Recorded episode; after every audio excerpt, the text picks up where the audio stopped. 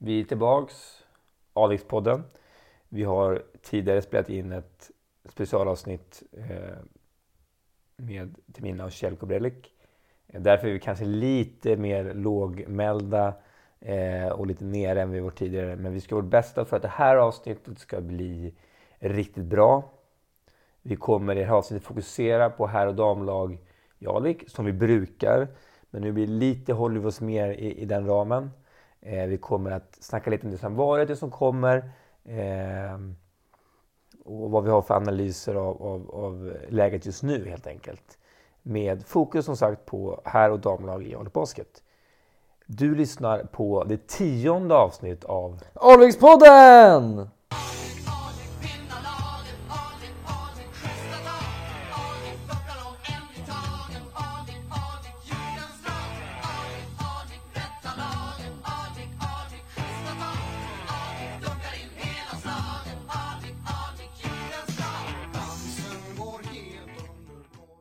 Vi börjar med damerna. De har ju haft lite lugnt här nu. Landslagsuppehåll. Eh, kan vi kort bara då, Sverige gick ju till EM eh, efter att ha eh, vunnit jättestort mot Makedonien. Eh, lite roligt också att de fick spela i den lilla hallen. Eh, verkligen minsta hallen. Eh, eftersom jag var med damer U16-landslaget eh, så spelade vi också i den hallen. Men då var det så att det här är liksom typ träningshallen till eh, det lokala handbollslaget i stan som är riktigt duktiga. Ehm, så det var lite speciellt. Ehm, men det var väl inte jättepubliken där. Makedonien var, inte, var redan klara att de inte skulle kunna gå vidare. Ehm, Sverige körde fullständigt över Makedonien eh, som hade ett ganska tunn, tunt lag. Men Johannes Wåhlet på Basketbollförbundet han, han twittrade ut att Eh, nu får vi se hur gubbarna kommer twittra att Makedonien inte hade något lag, typ. Så att, jag ska väl inte vara den gubben då som, som säger att Makedonien hade inget lag. Eh, men, men jag kände nog när jag såg deras trupp, som bestod av många unga spelare, eh, de hade inte de eh, amerikanska neutraliserade spelarna som de hade i, i matchen innan. Att det här skulle bli en minst 40 poängs vinst och det blev det ju också. Eh, inte så mycket Alvik. Eh, Klara Lundqvist eh, var eh, med i truppen. Var med både mot eh, Makedonien och senare Italien. Italien var det ju senast då och då blev det, det var då det blev klart att de gick vidare.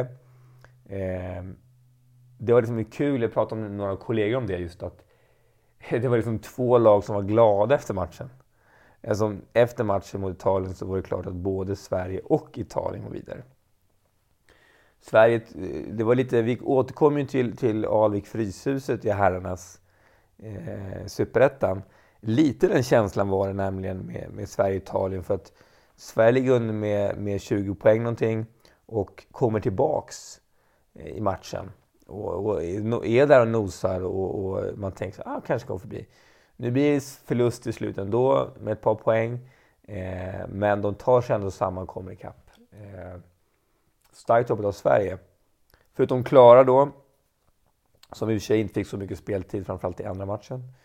Eh, så med, var ju även Elin Ljunggren eh, var ju med de 14, som man kallade. Men fick inte vara med varken mot Makedonien eller Italien. Fick åka hem innan de två matcherna. Eh, ska vi göra någon annan liksom, avgiftskoppling så har vi ju också då Eh, Eh, assisterande coachen Francisco Pinto har ju tidigare coachat Alviks damlag. Det är väl den, den avgiftskoppling vi kan ha. Eh, men, i, men eftersom det har varit landslagsuppehåll så har ju inte Alviks damlag spelat så mycket matcher på sistone. Men sen, vi, sen vårt förra poddavsnitt så har de ändå spelat två matcher. Eh, de som har spelat mot, mot, mot Visby, eh, som vi pratade om att det kan vara en, eh, en viktig match. Eh, inte minst en revansch från, från förra årets eh, semifinal, nej kvartsfinal där, man, där Alvik åkte ut mot just Visby. Eh, men också för att eh, det kan liksom, nu börjar komma några värdematcher och sådär. Visby var dock inte så mycket till, till eh, värdemotståndare och sådär utan det blev en, en relativt eh, enkel resa för, för, för Alvik.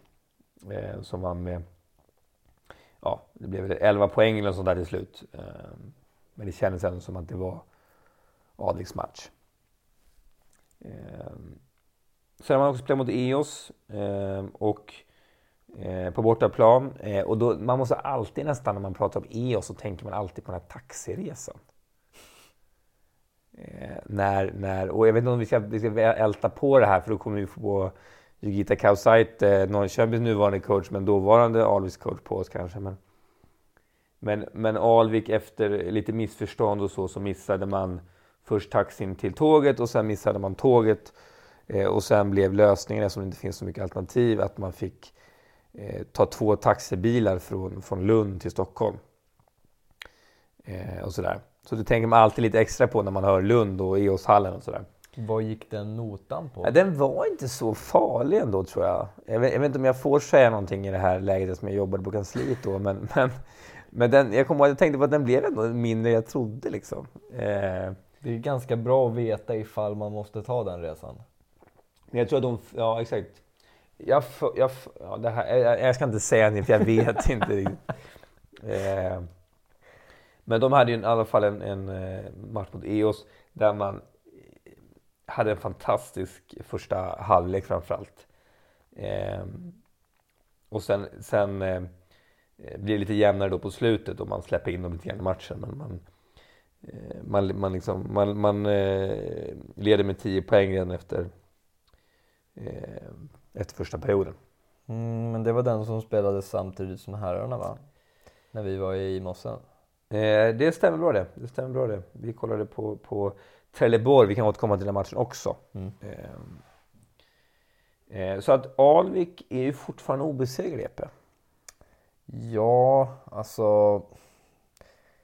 Alltså, Visby-matchen i sig är positiv. Ehm, det är en revansch. Det, det, har jag pratat om tidigare. Att där ska man liksom utkräva sin revansch för vad som hände förra året. Och liksom, men man ska också tänka på det att Visby är just nu ett av tre lag eh, som inte har tagit en enda seger. Så att jag vet inte om Visby har ett så mycket svagare lag i år än vad de hade förra året. Men det är någonting i alla fall som gör att de inte kan vinna och då, det tar ju givetvis bort lite från Alvik. Även fast man ska vara nöjd, man ska vara glad och allting är positivt för att Alvik är obesegrade. Det är bara eh, A3 Umeå som är, också har 6-0 och sen så Luleå som har 5-0. Så det är ju bara tre lag som är obesegrade och det är ju jättepositivt. Men Alvik saknar ju fortfarande de tuffa matcherna. Alltså de har ju haft en väldigt väldigt lätt start på den här säsongen. Det måste man ju säga. Alltså, Norrköping var ju lite tufft då, men... Men, eh, men, det, men det, det är ändå en match. Mm, ja, alltså, absolut. starten måste ändå räknas som lätt just för att ja, men det är bara Norrköping. Och sen så kollar vi på schemat framöver. Och nästa match, då är det Tälje. Då är mm. Klara och Lanto tillbaka. Eh, och sen så är det två matcher som de borde vinna eh, och efter det så kommer A3 och Luleå. Mm. Och det är ju samma sak som herrarna sitter i just nu när de går in och möter topplagen eh, på varandra så kommer damlaget att få möta topplagen på varandra där. Och det är ju där den riktiga värdemätaren liksom, det är där det sätter sin prägel på säsongen. Och man verkligen får se vad Alvik går för. För att eh, det är en alla, alla lag i damligan är inte eh, superjämna. Utan det är ganska ojämnt där mellan toppen och botten. Mm. Men helt klart att man ska vara jättenöjd med en obesegrad start. Det ska man. Om vi kollar på spelarna lite grann så har vi ju eh, eh har det ju framförallt varit mycket, eh, har handlat mycket om Elin Ljunggren faktiskt. Eh, hon har ju presterat väldigt bra inledning. Gjorde hon, gjorde hon i även förra säsongen också. Eh, men har gjort det bra. Vi har pratat om det förra avsnittet och vi måste säga att hon har fortsatt på samma väg. Eh, även i de matcher som har tidigare. Sen är det ju så att alltså, det är lätt att glömma, men liksom Janelle McCarville gör väldigt mycket bra även om hon inte alltid gör 40 poäng. Nu ska vi komma med lite härliga Alvikspoddens rykten igen som eh, satt så bra hundraprocentigt där i somras eh, med Lukas Friberg. Men eh, enligt mina rykten, alltså enligt eller mina källor ska man ju säga, så eh, dras Janell med en skada just nu. Eh, lite osäkert på hur länge hon blir borta med den, men det verkar vara lite oroligt eh, med henne just nu. Så att eh, hon, hon, är nog inte någon att förvänta sig från alltså, spel mot Tälje, utan hon är nog skadad. Mm. Jeppe tar som vanligt eh, de här bomberna här i podden, eh, de obekräftade. Jag kör bara på bekräftat. Vi kan ju säga då att Martina Stålvant är, är, eh, har varit skadad inledning på säsongen och det har ju varit tungt för Alvik. Men det har ju gått bra, mycket kanske för att man har mött lite lättare motstånd. Eh, Elin Ljung har gjort en väldigt bra inledning, eh, som vi pratade om tidigare. Och, och eh, Janelle McCarville har också gjort det bra. Eh, beroende på det om hon kan fortsätta eller inte. Men, men hon, eh, hon är den som tar eh, flest returer och hon har flest assist och hon är otroligt effektiv. Hon är en väldigt effektiv spelare. Eh, och liksom plus minus statistik och allt sånt där talar för henne väldigt mycket. Hon är ju kanske en av ligans liksom mest erfarna. Eh, I alla fall på, det, på, på den nivån hon har spelat med. Så jag tror att avsaknaden av, om vi tar att Martina Stålvant är skadad, så tror jag att den avsaknaden, det, det, det, kommer kännas tyngst där just när det blir ett dubbelmöte med A3 och Luleå. Att hon inte är med där, det tror jag kommer, det kommer svida.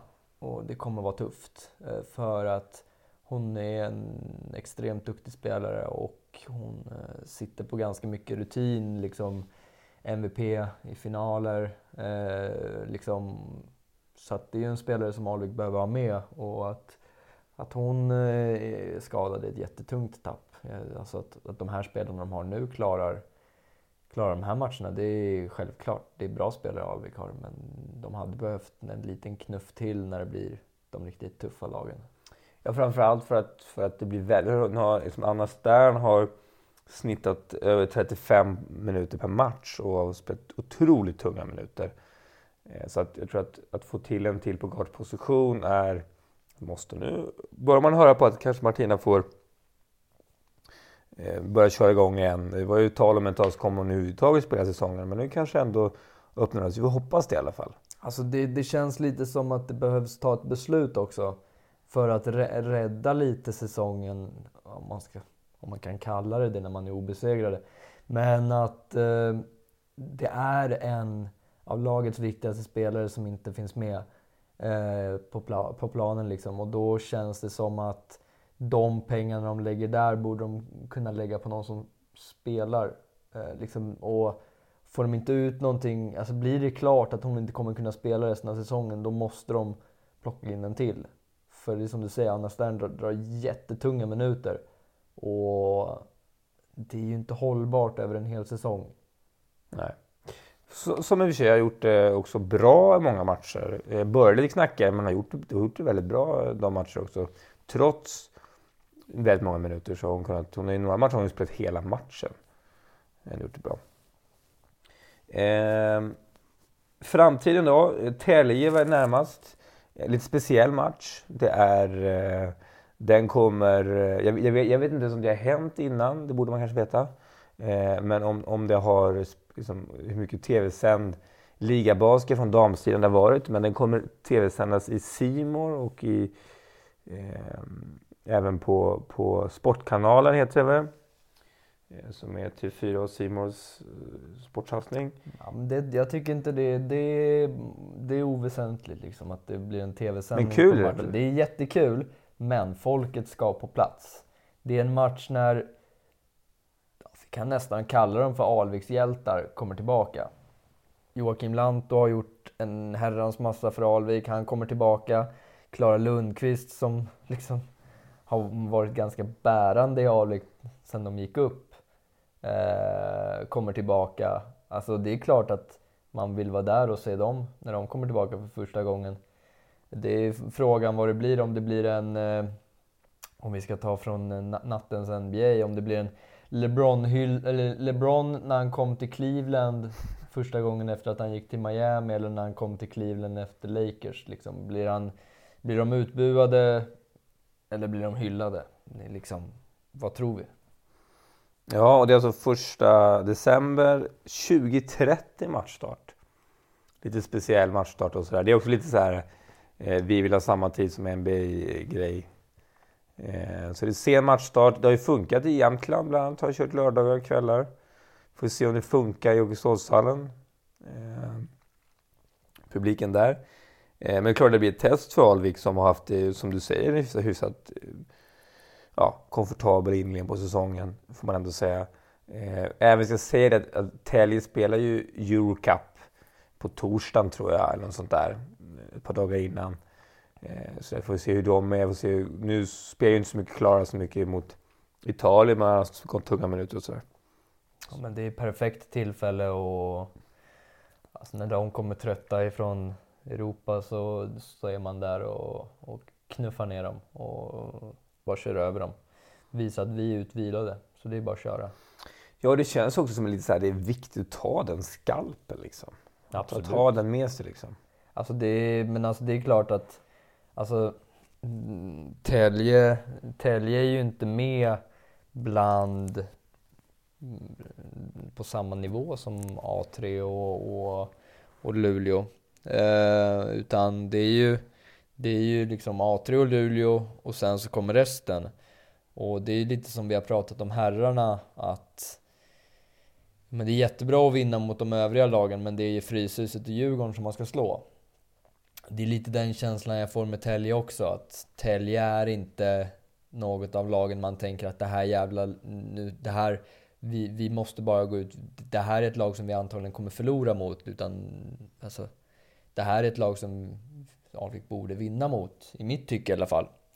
Eh, så att, eh, nej, det, det, det, blir en intressant match.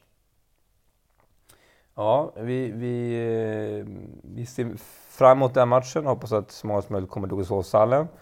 Eh, vi går raskt in i nästa del. Alvik Baskets herrlag.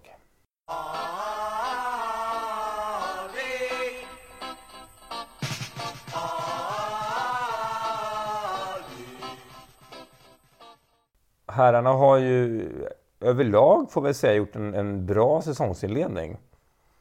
Ehm, och man, man, kunde säga så här, först var vi lite besvikna mot Fryshuset, men med facit i hand måste man säga att så dåligt var det inte första matchen ändå mot Fryshuset. Nej, absolut inte. Alltså, Fryshuset har visat att de är ett, ett jättebra lag. Ehm, och liksom de bara, de bara kör. Alltså de, de, de skiter i resten utan de bara kör och det är lite ingenting som Alvik verkar vara beredda på. Så det är klart att alltså, Fryshuset har visat att de är topp två i basket, i, i superettan heter det ju. Mm. Um, så att, eh, men det är ändå så också att det är två matcher där Alvik har visat att man kan dra jämnt med dem. Mm. Uh, vi, vi återkommer lite till fysmatchen, men om vi ser det dessförinnan så eh, så hade man en stark vinst mot Högsbo och sen en lite oväntad förlust mot EOS på bortaplan. Nu är EOS ofta svåra på bortaplan känns det som. Eh, och sådär. Men den var, lite, den var nog in, de inte helt nöjda med. Det var också en vardagsmatch och det påverkade säkert också. Man åkte iväg en vardag och sådär. Eh, och vi var och kollade på Trelleborg också. Alltså det var ju... Ja, det var en skräckhistoria. Det är ju helt klart den sämsta matchen jag sett i Superettan i år. Absolut. Eh, nu har jag inte sett alla matcher i Superettan, men eh, eh, den var ju inte... Den spelades också speciellt. Den spelades i Stora Mossenhallarna på grund av någon form av dubbelbokning. Vilket, vilket jag i och för sig trodde skulle, vilket också säkert gynnade lite grann Trelleborg. De känns, känns lite mer som ett, som ett lag som passar en sån hall ungefär. Lite tajtare, lite mindre på riktigt på något sätt. Eh, lite mer sådär. Mm, men liksom känslan man får när man sitter och kollar på den där matchen. Det är ju att, jaha, Nu har jag tagit eh, några timmar ifrån mitt, min, min helg, min lediga helg eh, och gå och kolla på Alvik och tänka att fan det här blir kul. Och liksom när man åker därifrån. Alltså jag för, jag, du, du, vi, du skjutsade ju mig efter matchen. Jag har för mig att jag sa det till dig att liksom, jaha, ja, det här är timmar som du inte får tillbaka. Alltså ungefär den känslan fick man för att det var verkligen, alltså som du säger, det är, det är något av det sämsta, alltså det där är nog något av det sämsta jag har sett någonsin. Men vi kan säga också att, att, att eh, sådana matcher har man ju lätt också. Men det absolut viktigaste då, det är ju, jag hade lite diskussion även med Colt Kevin efter matchen där att så länge man vinner så är det någonting man ändå kan lägga bakom sig och gå vidare. Absolut. Alltså, men alltså... Uh, det är jättes, jättestarkt att, uh, att de vinner den där matchen. Uh, och det är klart att det hade varit jättetungt att torska den och med tanke på att de låg under ändå med, alltså det var inte många minuter, jättemånga minuter kvar av fjärde när de låg under med 10 poäng. Men du och jag och, och Basil Chiltag, vi satt ju och, hade bestämde vilka som skulle få pris för matchens lirare. Och jag tycker ju att vi gjorde ju helt rätt där eh, för vem som fick det i den matchen. För det var en spelare i Alvik, lite smått förvånande ändå. Som inte spelade jättemycket, han spelade kanske 10 minuter eller vad var det, kvart? Ja, alltså han spelade jättelite men det är ändå han som vände matchen för Alvik. Det är ju Max Jonevret och som då får liksom, matchens lirare. Även fast han spelar ja, 20-25 minuter mindre än vissa andra. Mm. Eh, och det har ju att göra med att han kom in och bara körde. Alltså, de andra spelarna, de, de, de sprang runt och tänkte bara en massa. De sprang runt och, och äh, fan jag måste göra det här och så ska jag göra det här. Och liksom eh, hade Alvik, eh, Anton Miller, Pappi och Lukas Friberg på planen samtidigt så togs det 725 studs på ett anfall. Eh, och så var skottklockan nere. Liksom att när han kom in så hände det någonting. Det skapades. Han spelade väldigt bra försvarsspel. Och sen så gjorde han jättemycket bra grejer i anfall också. Och helt plötsligt där så, ja då var det nere på två poäng igen. Jag tycker han, jag, han, jag tänkte att han spelade 15-20 minuter, men han spelade alltså 6 minuter och 22 sekunder. Och han var den som, eh. som betydde vinst istället för förlust. Och där så måste man ju nästan pika coach Kevin. Eh, för att när han kommer in och gör det så bra och drar ner en, eh, liksom ett underläge från 10 poäng till 2 poäng så blir han utbytt. Hur, hur, hur tänker man där? Nu kan ju Kevin Gaines, nu kan ju han peka med fingret och säga att ja, men vi vann matchen. Ja, det, kan, det kan ju han göra. Men hur tänker man där? Du har en ung spelare som kommer in och gör det så jävla bra. Och sen så blir han utbytt. Helt, helt plötsligt. Det för mig... Det en gåta. är fegt. Det, det känns som att, okej okay, nu är matchen tight igen, ja, men, men då måste jag slänga in våra bästa spelare. Det är ungefär, ungefär det. Men eh, vi ska väl inte grotta oss ner i det Nej. för mycket. Ja, vi tar oss vidare. Eh, sen gjorde man en stor match mot, mot eh, eller man, man eh, slog med massor med poäng. Steelers, Luleå Steelers drar upp i Luleå. Eh, och liksom lite tog tillbaks heden på något sätt. Kändes som efter två matcher, även för att man vann mot Trelleborg. Sen ganska, ganska eh, ja, inte så bra insats och sen även mot EOS som man förlorade. Tog man tillbaks heden mot, mot Steelers. Även om Steelers, nu tog de ju sin första vinst här eh, för någon vecka sedan. Men har ju, gått, har ju haft det tungt i säsongen. Men det är ändå viktigt att vinna med väldigt mycket poäng. Eh, och mot Fryshuset då. Du, du kommenterar ju matchen också Jeppe, i, i, kan du få göra det igen då? Eh, i, i tisdags. Ja. Vad säger vi om Fryshuset-matchen? Så vi, vi sammanfattar det kort kan vi säga att Alvik, eh, efter första halvlek så leder man med 22 poäng eh, någon minut in i, i eller, och man gör också de två första poängen i tredje perioden. Så man leder med 24 poäng.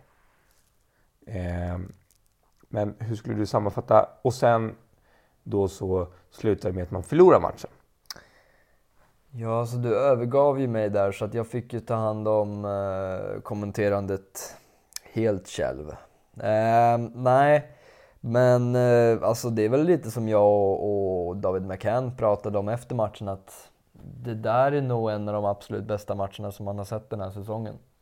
Och då kan man ta fler kategorier än bara superettan. Alltså, den, den, den ges en väldigt hög Euroleague, NBA? Ja, NBA har jag, ja, där Golden State, Utah är nog den bästa matchen jag har sett i år. Men... Eh, därefter? Därefter så kommer nog den här, för det var alltså Alviks första halvlek leder med 22 poäng. Alltså det, det är så briljant. Alltså de verkligen utnyttjar det som Fryshuset gör dåligt. Alltså så fort ett Fryshuset gör ett misstag, då är de där. Och Jakob Andersson, han var ju stekhet i första halvlek då. Vi, vi säger det, första halvlek mm. var han det. Eh, och han gjorde ju 14 pinnar eller något sånt där. Och han satte, ja, han sköt så bra. Oskar Jernberg, han var, han var 100% i första halvlek. Så att Alvik, nej, de var riktigt bra. Och Fryshuset försökte ställa upp en press i hela första halvlek där. Då. Och att de, de fick inte ihop det utan det kändes som att det var typ, ja, vad kallar vi en, en zon som bara står en gubbzon. Fast de körde det på en, alltså de körde en helplanspress men bara stod, så en, en gubbpress körde de. De gjorde ingenting, de bara stod där och Alvik kunde enkelt bara passa förbi och lägga i den. 22 poäng i halvtid och sen så ska man väl ge, alltså vad jag känner rent generellt så är det ju faktiskt coachen i, i Fryshuset, eh, G. Gervin, eh, som ska ha credden för vad som händer i den matchen. Mm. Att, att Fryshuset kan vända, det känns som att det har han ett, eller ganska många fingrar med i. För att när Fryshuset ställer upp i andra halvlek, den där pressen de spelar, det är helt plötsligt aggressivt. Så att, alltså Fryshuset, de går på varenda boll. Och de går på varenda retur. Och de är där med två spelare varenda gång Alvik får bollen. Och det kändes lite, jag tror jag sa det dessutom i sändningen om det nu var någon som, som lyssnade på mig. Eh, så, så sa jag det att det kändes lite som Fryshuset Alvik ungdomsmatch.